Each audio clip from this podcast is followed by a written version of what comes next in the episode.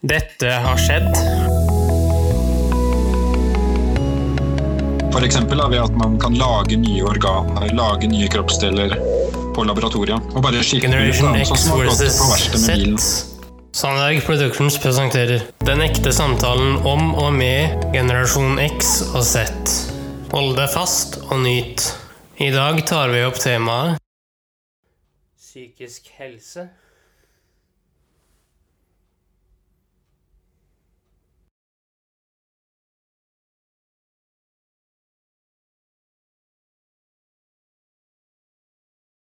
Hei, kjære lytter, og hjertelig velkommen til en ny episode av Generation X versus Z. Med Din formidler av generasjonskløften mellom generation X og Z. I dag er temaet psykisk helse. Min eh, kära kjære kompan, eh, har du noen tanker rundt psykisk helse, i og med at du har jobba med det i mange år?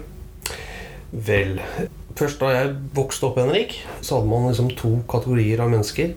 Enten så var man gæren i huet, eller så var man sånn tilnærmet lik normal. Det som er kjempefint, er at man nå har nyansert bildet litt. grann, Og det med psykisk helse tror jeg er Det er ikke bare en trend, Henrik. Jeg tror det blir mer og mer eh, av det. fordi i den psykisk helsebiten så er det så mange elementer i seg som, eh, som er særdeles viktig i, i mange fora. Nå, nå jobber ikke jeg i helsesektoren, eh, men jeg jobba mye med si, den type ting da, i arbeidslivet. Det er, for å si det rett ut, utrolig morsomt. Altså mellom, eh, mellom arbeidstaker, arbeidsgiver og, og tillitsvalgtapparatet. Så psykisk helse kan omfange ekstremt mye. Og eh, at man setter foten ned og, och se rundt hva, hva er det for noe, hva, hva kan vi gjøre noe med det, er, eh, er viktig. Eh, og nå har faktisk du tagit styring. Du har hatt uh, store deler av ansvaret for å skrive malen til gjesten, og du skal ta min posisjon, da. Ja, det, det gleder jeg meg til! Det blir gøy. Du pleier egentlig å styre hele showet. Ja, Men eh, jeg, jeg gleder meg til å se hvordan du takler det. Jo, takk for det, Henrik. Om psykisk helse, og en av de tingene er press og stress. Nå kjørte du litt sånn eh, press og stress-signaler til meg, men eh, den skal vi prøve å takle, Henrik. For å si det sånn, du fikk prestasjonsangst. Rett og slett. Nei, jeg syns dette er moro, Henrik. Altså, apropos psykisk helse, så er det masse eh, podkaster der ute som har fokus på dette her med psykisk helse. Blant annet podkasten Hos Peder, eh, som ble produsert for NRK. Det er da rett og slett bare terapi eh, på øret da, i form av en podkast hvor psykolog Peder Kjøs tar med seg terapi fungerer og litt sånt noe. Eh, sterk anbefaling fra min side der. Ja, spennende. Den vi skal intervjue i dag, Henrik, han er også en meget habil, dyktig fagperson. Han har eh, mange erfaringer og har coachet eh, mennesker i over 40 år. Men når vi er på det emnet der, kan du forklare lytterne hva en mental coach er? Vet du hva? Det syns jeg coachen sjøl skal fortelle litt om. Er det greit for deg? Ja. Det som er litt eh, kult med han vi skal høre om Han er ikke bare dyktig. Vet du hva han er, Henrik? Han er svensk. Vi får bare vente og se og se hvordan det går. Er du ikke litt enig? Jeg er enig. Skal vi kline til? Vi kjører en tur. Jepp.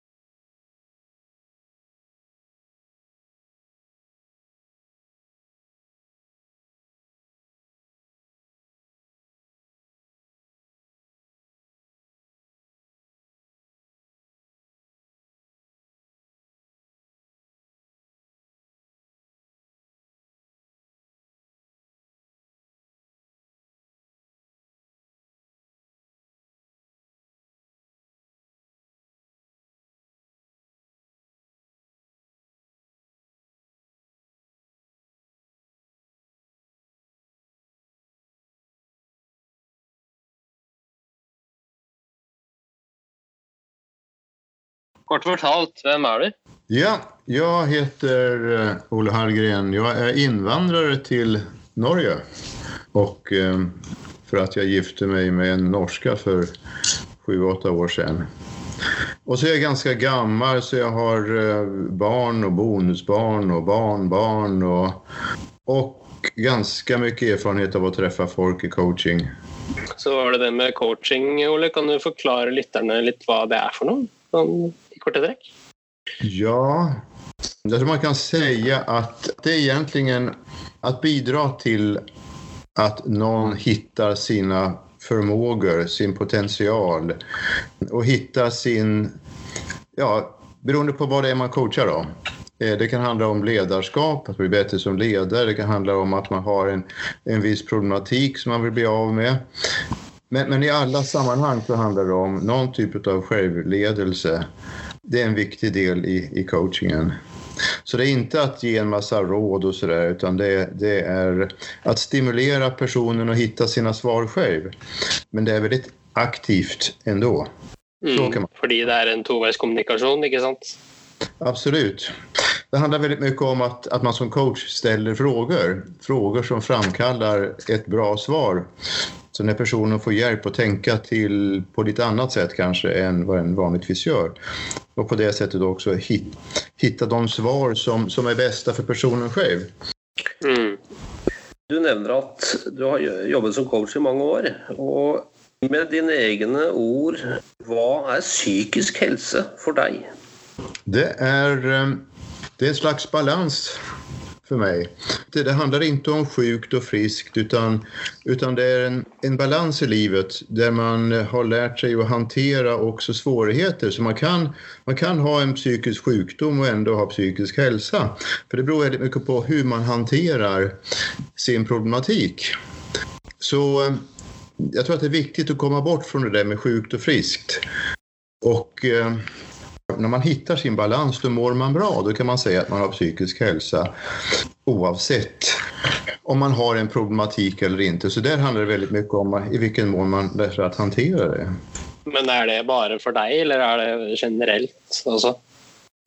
Ja, jag skulle vilja säga att det är, det, det är vad jag har sett och upptäckt också hos andra personer. Och det är den balansen, när jag träffar personer som, som inte mår så bra, så är det någonting runt om att man lär sig att, att hantera sig och sin situation på ett sådant sätt så att man ändå får en slags kontroll över den. Och även personer med, ibland då med, med olika typer av traumer när man har hittat sitt sätt att hantera det så, så kan man ha en väldigt god hälsa. Och det finns det ju väldigt mycket studier på eh, också. Då. Balans, eh, Olle, vad, vad lägger du i det? Alltså balans i förhållande till vad? Och eventuellt i förhållande till vem? Det kan vara balans av allt möjligt egentligen. För det finns ju situationer som man, som man behöver och åtgärda, som man behöver förändra och så vidare. När, när den här problematiken finns eller svårigheten finns så blir det obalanserat. När man hanterar situationen på ett bra sätt kan man återfå en balans. Men, men det är ju inte alla gånger som man kan få bort det som, som, är, som är ett problem. Till exempel om man har en sjukdom eh, så kanske man inte får bort den men man kan förhålla sig till den på något sätt. Då ligger det där som, det ligger som en störning men den påverkar inte ens liv fullständigt. Det gör inte att man inte fungerar som individ. Så det handlar väldigt mycket om vilka redskap som man, som man hittar. Det är så här det ser ut, eh, det här kan jag inte förändra. Eh, men jag kan alltid välja att förhålla mig till det på något sätt. Så man lär sig med tiden. Och alla människor har, har olika typer av svårigheter. Och olika personer har olika lust eller förmåga att hantera. Men det är möjligt, vill jag nog säga, för alla att hantera sig och sin situation och sitt liv på ett ännu bättre sätt än vad man gör. Mm. Så det du säger är att balans är ett väsentligt begrepp? Ja, eh, och jag tycker om det begreppet. Det är en, en väldigt god bekant till mig som är akupunktör. Och han tänker inte heller i termer av sjukt, friskt, bra, dåligt, eh, starkt, svagt. Utan han menar liksom någonstans på den där linjen befinner man sig. Och det är själva balansen som är det intressanta. Hur man återfår balansen. Annars kan man ju säga då om man har en sjukdom, ja men då kan man aldrig vara helt frisk. Ja men vad är helt frisk? Det är en väldigt intressant fråga. Ja, hva er helt frisk, hva er helt normal, hva er gal? Ja. Så det er jo spørsmål som Ja. man ofte stiller seg sjøl. Ja. Ja. hva mener du om det? Og så hva mener du om disse som sier at f.eks. folk er spikspenna gærne og normale? Hva mener du om det? Ja, ja, jag kan undra liksom eh, vad ska man utgå ifrån när man definierar normalt och onormalt? Ehm, Da kan jeg kanskje skyte inn en liten sånn en bisetning, fordi du spør, Henrik, og det som man kan si er det normale, det er eh, den som har ordet nå. Mens eh, den som er spin hoppende gæren, det er den som kommer til å snakke etter meg. Altså, det er jo en teori, men det ikke noe ja, det var ett sätt att se det på. Ja, ja, ja. Ja, men jag tror man ska vara väldigt försiktig. Och det, och det är klart det finns olika typer av sjukdomar och jag har jobbat inom psykiatrin i min ungdom och så vidare idag och, och, eh, och det finns psykoser och det finns mycket annat där man, där man inte fungerar på ett bra sätt. Men därifrån till att prata väldigt mycket om vad som är sjukt och vad som är friskt, jag tror man ska vara eh, väldigt försiktig med. Jag tror att vi står inför att faktiskt se också att det som tidigare man har sett som olika typer av handikapp också kan vara olika typer av, av förmåner eh, och fördelar. Att det kan vara du egenskaper. handikap, mener du da fysisk handikap, psykisk handikap? Hva mener du med handikap her? Och Jag tänker det som, Eh, men nu är det ju väldigt populärt med olika typer av diagnoser.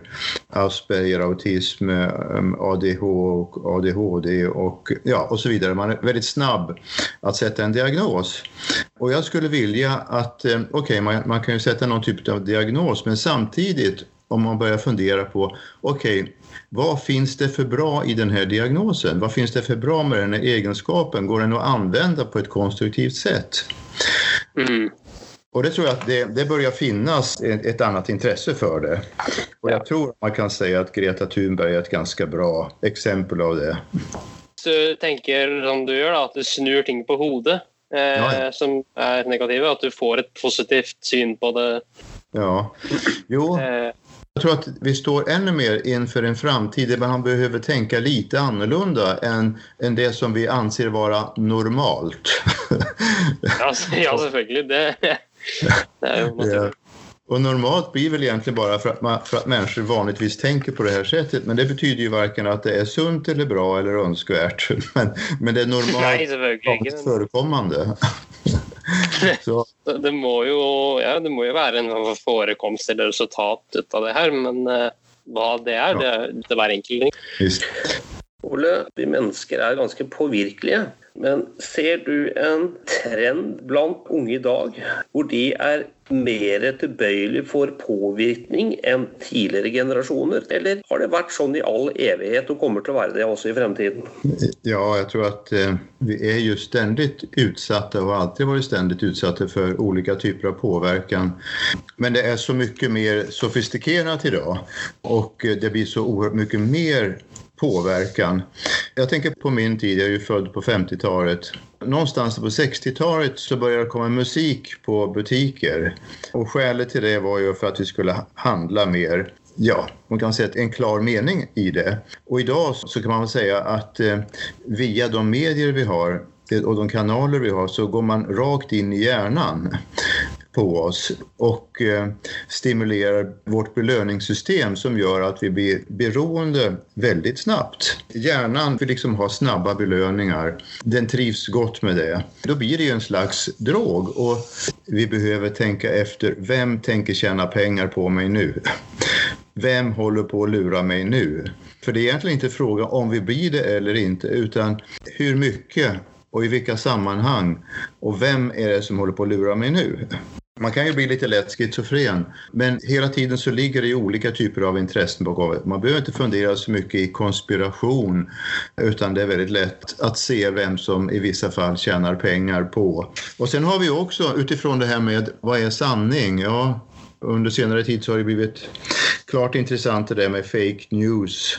Och det är reklamfilmer eller firmer som det är en verksamhet som vill ha igenom eller det är en politiker som vill ha igenom någonting. Ja, men då, då anlitar man en reklamfirma och den här firman då den skriver till exempel massa insändare, bombarderar tidningar med insändare. Ja, och, och andra sätt också. Och så småningom så börjar vi då som ser det så börjar vi tro på det här. Det är ju så många som tycker så här alltså och så vidare. Va? Eh, och genom våra sociala medier så blir vi ju så oerhört påverkade hela tiden och, och så var naturligtvis inte förr. Så det är en oerhörd skillnad. Men vill du gå så långt som att kalla det placebo, eh, det med fake news? Ja, just det. Jag kanske inte har hört det i det sammanhanget, men det är väl kanske en liknande effekt där också. Det hörs lite sånt ut för mig att det är en sån placebo-liknande effekt på det.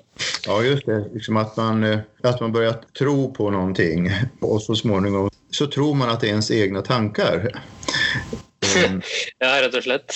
Det är ju på något tanketeori eller sånt. Ja, och jag tror att det är, det är väldigt hög tid för en sån som Sokrates som hela tiden ställde massa frågor och en av hans viktigaste frågor var har jag uppfattat riktigt, är det här sanningen? Och jag tror att den är oerhört viktig idag men hur ska man veta? hur ska man veta vad som är sanning? Ja, ett bra steg i alla fall att ställa frågan, vad har jag gått på nu? Den är så, den är så utstuderad, mycket av den här informationen och den är till för att vi ska tycka det ena och det andra och att vi ska tyvärr också då fastna i avhängighet. Så det är egentligen av frykt för inte att bli utnyttjad av en tredjepart att den påverkningen är ja. lite tydligare, vill du kanske säga? Eh, man ska säga att den är tydlig. Den är också väldigt dold. Eh, för att den är så mycket mer sofistikerad. Och på Pers och min tid så då var det mer fysiskt tydlig. Den var inte speciellt effektiv. Men det är klart det fanns det då också.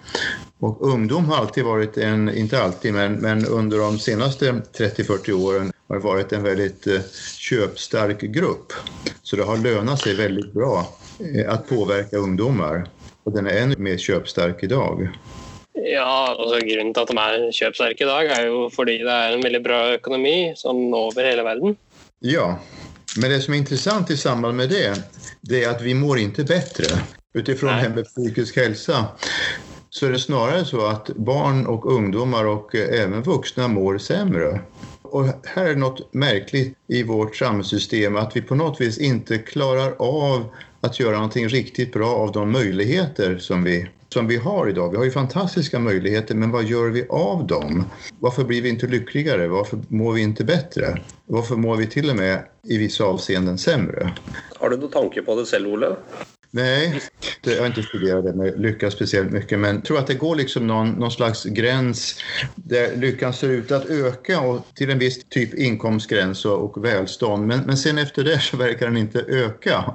Och jag vet ni hade någon fråga och fundering runt, också runt det här med egoism till exempel. Och jag tror att den här högre graden av individualisering och att man ska vara så lyckad det blir viktigare, jag tror att det blir viktigare att vara lyckad än lycklig. Om man tror att man blir lycklig av att vara lyckad. Och då strävar man efter att vara på ett visst sätt. Och där har vi ju återigen den här massiva påverkan. Plus att eh, när vi blir rika land så behöver vi inte varandra på samma sätt. Man klarar sig själv. och jag har min inkomst och då kan jag köpa det som jag vill köpa och jag behöver inte min granne och jag behöver inte mina släktingar. Jag klarar mig själv. Det som är fara med det, vi kommer längre och längre bort ifrån varandra. Den empatiska förmågan blir inte lika tränad. Det här ser man ju också med människor som, som lever i fattigare sammanhang. De är mycket mer generösa. Och ju, det verkar som ju rikare vi blir, ju snålare blir vi, ju mindre generösa blir vi. och kanske till och med mindre empatiska. Det är något märkligt. Det er et paradoks, da. Altså Når vi Ja. har muligheten til å være mer sjenerøse, så blir vi det motsatte. Ja, ja, det, det verkar vara så. När man kommer över en viss gräns att vi är så pass rika och förmögna eh, eller har det så pass bra kan man säga att vi inte behöver varann. Det tror jag är allvarligt för ett samhälle. Och när det då händer någonting så är man inte van att ha vänner att prata med. Man, man, har, man har tappat bort en del av det stödet. Och därför så ligger självmordsstatistiken kvar på samma nivå både bland unga och ungdomar och vuxna. Så någonting är det som vi inte har lärt oss. Men du glömmer en ting, då, att vi har grupper på sociala medier. Vi har sådana ting då, som du kan bruka till för exempel att ja, slippa fri lite inre demoner och sånt. Vad menar du om det? Ja, det är väl helt perfekt. Det är ju sammanhang då som lite äldre inte har upptäckt så mycket av. Men det är helt fantastiskt. Eh, för att behovet finns ju där. Eh, och då är det ju väldigt bra också om man som ung och även, även äldre men att man använder tekniken också för de sammanhangen.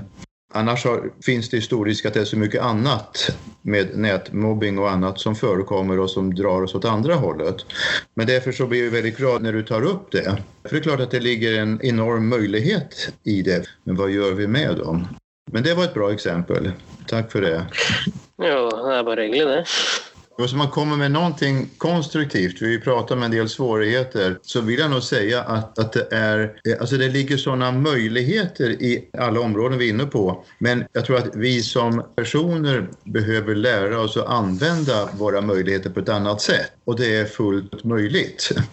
Men det handlar väldigt mycket om att tänka själv. Det handlar väldigt mycket om egna reflektioner och det handlar väldigt mycket om tillsammans.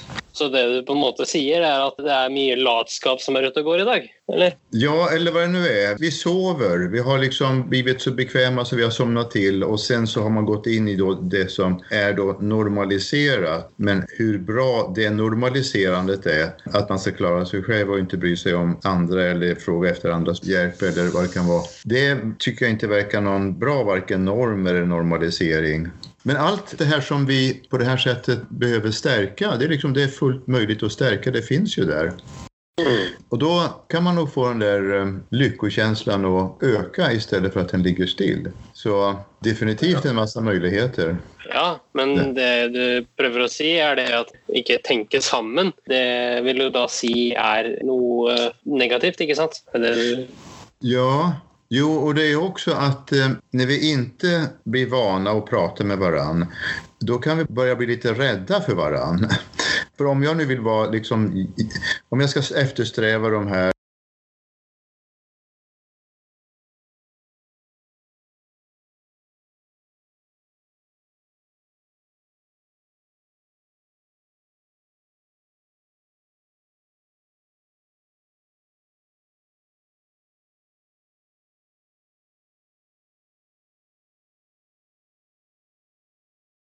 om jag ska eftersträva de här idealen, stark, självständig, framgångsrik, ja men då vill inte jag att någon ska se att ibland så mår jag inte så bra. Eh, ibland så behöver jag hjälp, för liksom då faller ju min bild. Eh, och det här är ju oerhört farligt och det är ännu värre för, för oss män än för kvinnor, för kvinnor är generellt bättre på att prata med varandra än vad vi män är. Mm. Ja, Men det tror jeg har noe på det med maskulinitet, spesielt hos menn. da, At man skal opprettholde et maskulint image. Ja, det ligger mycket i de där gamla idealbilderna som jag trodde vi skulle växa ifrån någon gång. att vi liksom, för jag tänker i det maskulina så, så bör det ju finnas också ett, ett mod. Och det här modet det testas i väldigt hög grad i hur öppen vågar jag vara? Hur mycket kan jag visa av mig själv gentemot för andra människor? Hur mycket kan jag gå in i ett samspel? Hur mycket kan jag förändra i mig själv, vara flexibel? Det som du är inne på, den där maskulina bilden, den är ju verkligen uråldrig. Alltså den är tråkig menar jag. Vi borde ha vuxit ifrån den för länge sedan. Och, och det är så mycket rädslor som styr världen. Hva, hva er det vi er redde for, egentlig, som du ser det? Ja, det där är en helt perfekt fråga. Vad är vi rädda för? Det handlar om det där med makt, position, påverkansmöjligheter, att förlora kontroll. Och det kan vara all möjlig form av kontroll. Det kan vara kontroll över andra människor, det kan också vara kontroll över sina egna känslor. Tänk om man börjar känna saker som man inte känner igen. Det vill säga, det är en deilig cocktail av rädsel för følelser, eh, meninger, miste makt og ha makt. Eh, og oppdage nye ting. Eh. Ja. Är det någorlunda riktigt? Jo, det är inget fel på rädsla, men utan rädsla så skulle vi ju inte ha överlevt som art. När stora vargen kommer och sen säger man lilla fina vargen. inte ska du äta upp mig. Nej, det... det, är klart att, att rädsla är, är, bra. När vi blir rädda för till exempel övergivenhet eller rädda för att, att inte duga, rädda för att inte passa in och så vidare så behöver man fundera på relevansen i den rädslan. Okej, okay, om jag nu har den rädslan, vad gör jag åt det? Och det är då liksom, för, för att inte bli övergiven, ja, men då, då är det bättre att jag överger. Eller att jag ser till att ha så mycket kontroll över en person, över en, eller en organisation eller över någonting annat så att inte det där händer. Om jag är rädd för att inte duga, ja men då, då ska jag se till att bli så fruktansvärt duktig och kompetent och så vidare så ingen kan ge mig kritik. Så, mm. Men om vi då blir lite mindre rädda, ja, då är det en massa saker som inte spelar så stor roll och då kan man också vara mer öppen gentemot varandra. Och, och det här vet jag inte om det liksom är någon skillnad generationer emellan. Det, jag, jag hoppas att det har skett en viss utveckling och jag tror att många ungdomar är mer ändå mer medvetna och mer öppna än vad Persan och jag var. Men du, du Per är ju, du är ju nästan som en ungdom jämfört med mig idag. Ja, då. Det är väl inte helt riktigt. Nej, det, är det kloka ord du kommer med, Det vi också ska tänka över det är att när du och jag var unga, Olle så var det väl mer att man hade sin egen identitet genom den rollen man, man var. Jag tänker på man var, man var en man, man var en kvinna, man var en ledare. Alltså man hade en eller två eller tre speciella roller och så var allmänt liksom accepterat och sånt skulle det vara. Idag är det mer variabler. En ledare är inte bara en ledare, men ledare ska ha väldigt många roller i det vara ledare, bland annat, etc. etc. Så jag tror bilden idag är mycket mer komplext än eh, det det var tidigare. Ja, det, det tror jag också. Och när du tar upp det med identitet så är ju det en väldigt viktig faktor. Vilken identitet jag har, vad jag kan identifiera mig med och vem jag kan identifiera mig med. Men är det med tanke på könsidentitet, är det på personens identitet, är det på omgivelsesidentitet, är det, vad är den identiteten? Ja, en del, eller en del av ett svar på det är väl att eh, vi har ett väldigt stort behov av att vara i någon typ av sammanhang. Och när vi inte är i något sammanhang så känner man sig väldigt ensam. Men, så man behöver ju också andra att identifiera sig med. Inte hitta något sammanhang så är man väldigt sårbar. Det var det ju naturligtvis också när jag växte upp så, så fanns det ju sådana man ville identifiera sig med. Men alltså det, det, det fanns ju, tvn började komma det fanns ju böcker att läsa, det fanns tidskrifter. Så det fanns ju sådana här figurer som man ville identifiera sig med. Eh, men, men, det var liksom oskyldigt på ett annat sätt. Vem vill jag vara och vad, vad är det jag identifierar mig med och vilken är min identitet? Det är ju, menar, det är ju verkligen existentiella frågeställningar. Eh, och där kan vi gå väldigt vilse. Det finns så många olika möjligheter idag. Man kan också, för att se ut som en viss person så börjar man operera sig. Sen kan man fråga sig hur önskvärt, hur bra är det? Våra möjligheter kan ibland vara våra hinder. Du och jag, vi fick ju liksom acceptera att vi såg ut som vi gjorde. Men om vi snur på det, Olle. Vad är, vad är det kvinnor är mest rädda för? Sån, uh... Eh, Jag tror att eh, det där med övergivenhet, det är nog både män och kvinnor väldigt rädda för. Möjligtvis att män är lite mer rädda för övergivenhet än, än vad kvinnor är. Jag har ju mött många kvinnor också i, i mitt jobb och, och kvinnor i karriären och deras strävan efter att bli godkända och inte minst godkända i en manlig hierarki. Så de måste vara minst lika bra som männen och ibland lite bättre. Så det är en fruktansvärd press på dem. Grovt sett så är det inte, så det inte så stor skillnad. Men jag tror att, eh, att kvinnor mer ofta har någon slags relation till, till sina rädslor för att man lever nog kanske lite närmare sina känslor än vad vi män gör. Skal gå litt dypere ned i det spørsmålet. Da. Hvordan tror du verden ville sett ut om alle verdens ledere hadde vært kvinner? Der har jeg en god teori, men jeg lar Olle svare først. Ja, nej, men jag, jag tror väl inte på eh, enkönat varken åt ena eller andra hållet. Om, det skulle vara så mycket bättre, det vet jag inte. Vi startade ju att prata om balans och jag tror att eh, det, det handlar nog om en balans här också. Att det finns en, en, en, en klar likställdhet mellan män och kvinnor i, i ledarroller. Det är väl det som jag tror mest på och att man vågar utnyttja varandras potentialer som både handlar om det maskulina och det feminina. Då tror jag att vi kan få till en, en helhet. Ja, Per, din teori då? Vad, vad var det? jeg syns det var kloke ord du kom med der. Jeg har heller ikke tro på at hvis alle ledere i verden i dag hadde vært kvinner, at verden hadde blitt noe særlig bedre. Jeg er litt usikker. Den hadde blitt annerledes. Den hadde kanskje blitt bedre for noen og verre for andre, men kvinnelige sjefer eh, har en annen måte å tenke på. Men om de er bedre eh, generelt sett, det, det tror jeg er utrolig vanskelig å svare på. Altså. Nei, Ja. jeg tror også på Ja. balanse, Ole. Ja. Og så tror jeg på gjærbakst. ja. Og så tror jeg på å komme sammen om å ta en kopp kaffe og ta en gjærbakst. Ja, det tror jag är en bra kombination. Mm. Sier dere til det, gutter, om vi treffes en dag og tar en gjærbakst og en eh, kaffe og en brus eller noe sånt? Ja, Ja, jeg er med på den, jeg. Altså. absolut. Jag tycker att det är en strålande idé. Ah, goody, goody, goody, goody, good. Strålande Sickan. Kom også på at du har skrevet en bok, eh, Ole, sammen med noen and- andre folk. Kan du forklare for både meg og lytterne hva den boka handler om? Ja, ja just det. det. är- Det är två böcker som jag har skrivit med eh, en som heter Per Sandhaug. Och det var en... Ja, det, det, det var väl mitt livs svåraste uppgift att skriva tillsammans med, med dig Per. Men det jag lärde mig väldigt fort, det var att om Per fick som han ville så var det lätt att skriva. Du skrev det någonstans. Det ligger et snev av sannhet i det. Altså. Det,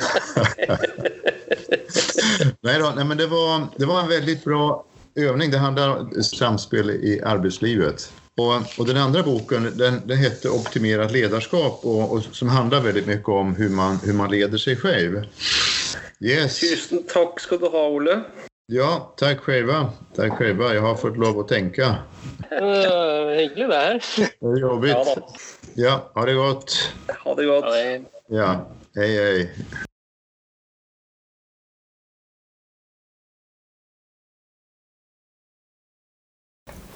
Ja, eh, hva skal vi si om Ole, eh, eh, Sandhaug? Yes, Inor Sandhaug. Det er ingen tvil om, eh, etter min smak i hvert fall, at eh, Ole er en eh, meget klok herremann. Ja, jeg er vel for så vidt enig i det. Det jeg kunne tenke meg, er rett og slett at vi prøver oss å få et intervju til med han litt senere. Hva tenker du? Ja, det hadde vært eh, veldig interessant å høre litt mer fra han. Og til de som er trofaste lyttere, bare tune inn eh, da neste uke. For da har vi det intervjuet med han. Ok, vi prøver. Tror du lytterne hadde glede av eh, Oles ord? Det kan godt hende, og det vil jeg gjerne få tilbakemelding på på f.eks. Facebook eller e-post. Har du noen kommentarer, Henrik? Nei, altså Den ene kommentaren jeg har, er jo det der med kjønnsidentitet og sånn. Og man har jo et poeng i at menn er redde for ikke å være overlegne, mens kvinner har eh, en frykt for ikke å ha kontroll. Og det har jeg sett tilfeller av opptil flere ganger med flere mennesker som eh, både kvinner og menn, som viser den frykten. Ja, jeg tror du har et meget godt poeng der, Henrik. Jeg støtter eh, tanken din der. Ja, nå vet jo ikke jeg med verken dine eller lytternes erfaringer, men øh, Skal vi høre om eh, noen, har, noen av lytterne har noen kommentarer? ja, hvis du har noen kommentarer, så er det bare å som sagt sende det inn på enten Facebook eller e-post til øh, Generation X versus Z på Facebook eller Generation X versus Z at sandbergproductions.com på e-post. Eh, Så så setter vi pris på å få høre dine kommentarer og tilbakemeldinger på episoden. Henrik, tusen takk skal du ha. Ja, takk det samme. Hjertelig. Skal vi si adios? Vi sier adios, vet du. Tusen takk for at du fulgte oss. Gi gjerne tilbakemelding, likes eller kommentar på Facebook-siden vår Generation X versus Z. Velkommen igjen til neste podkastepisode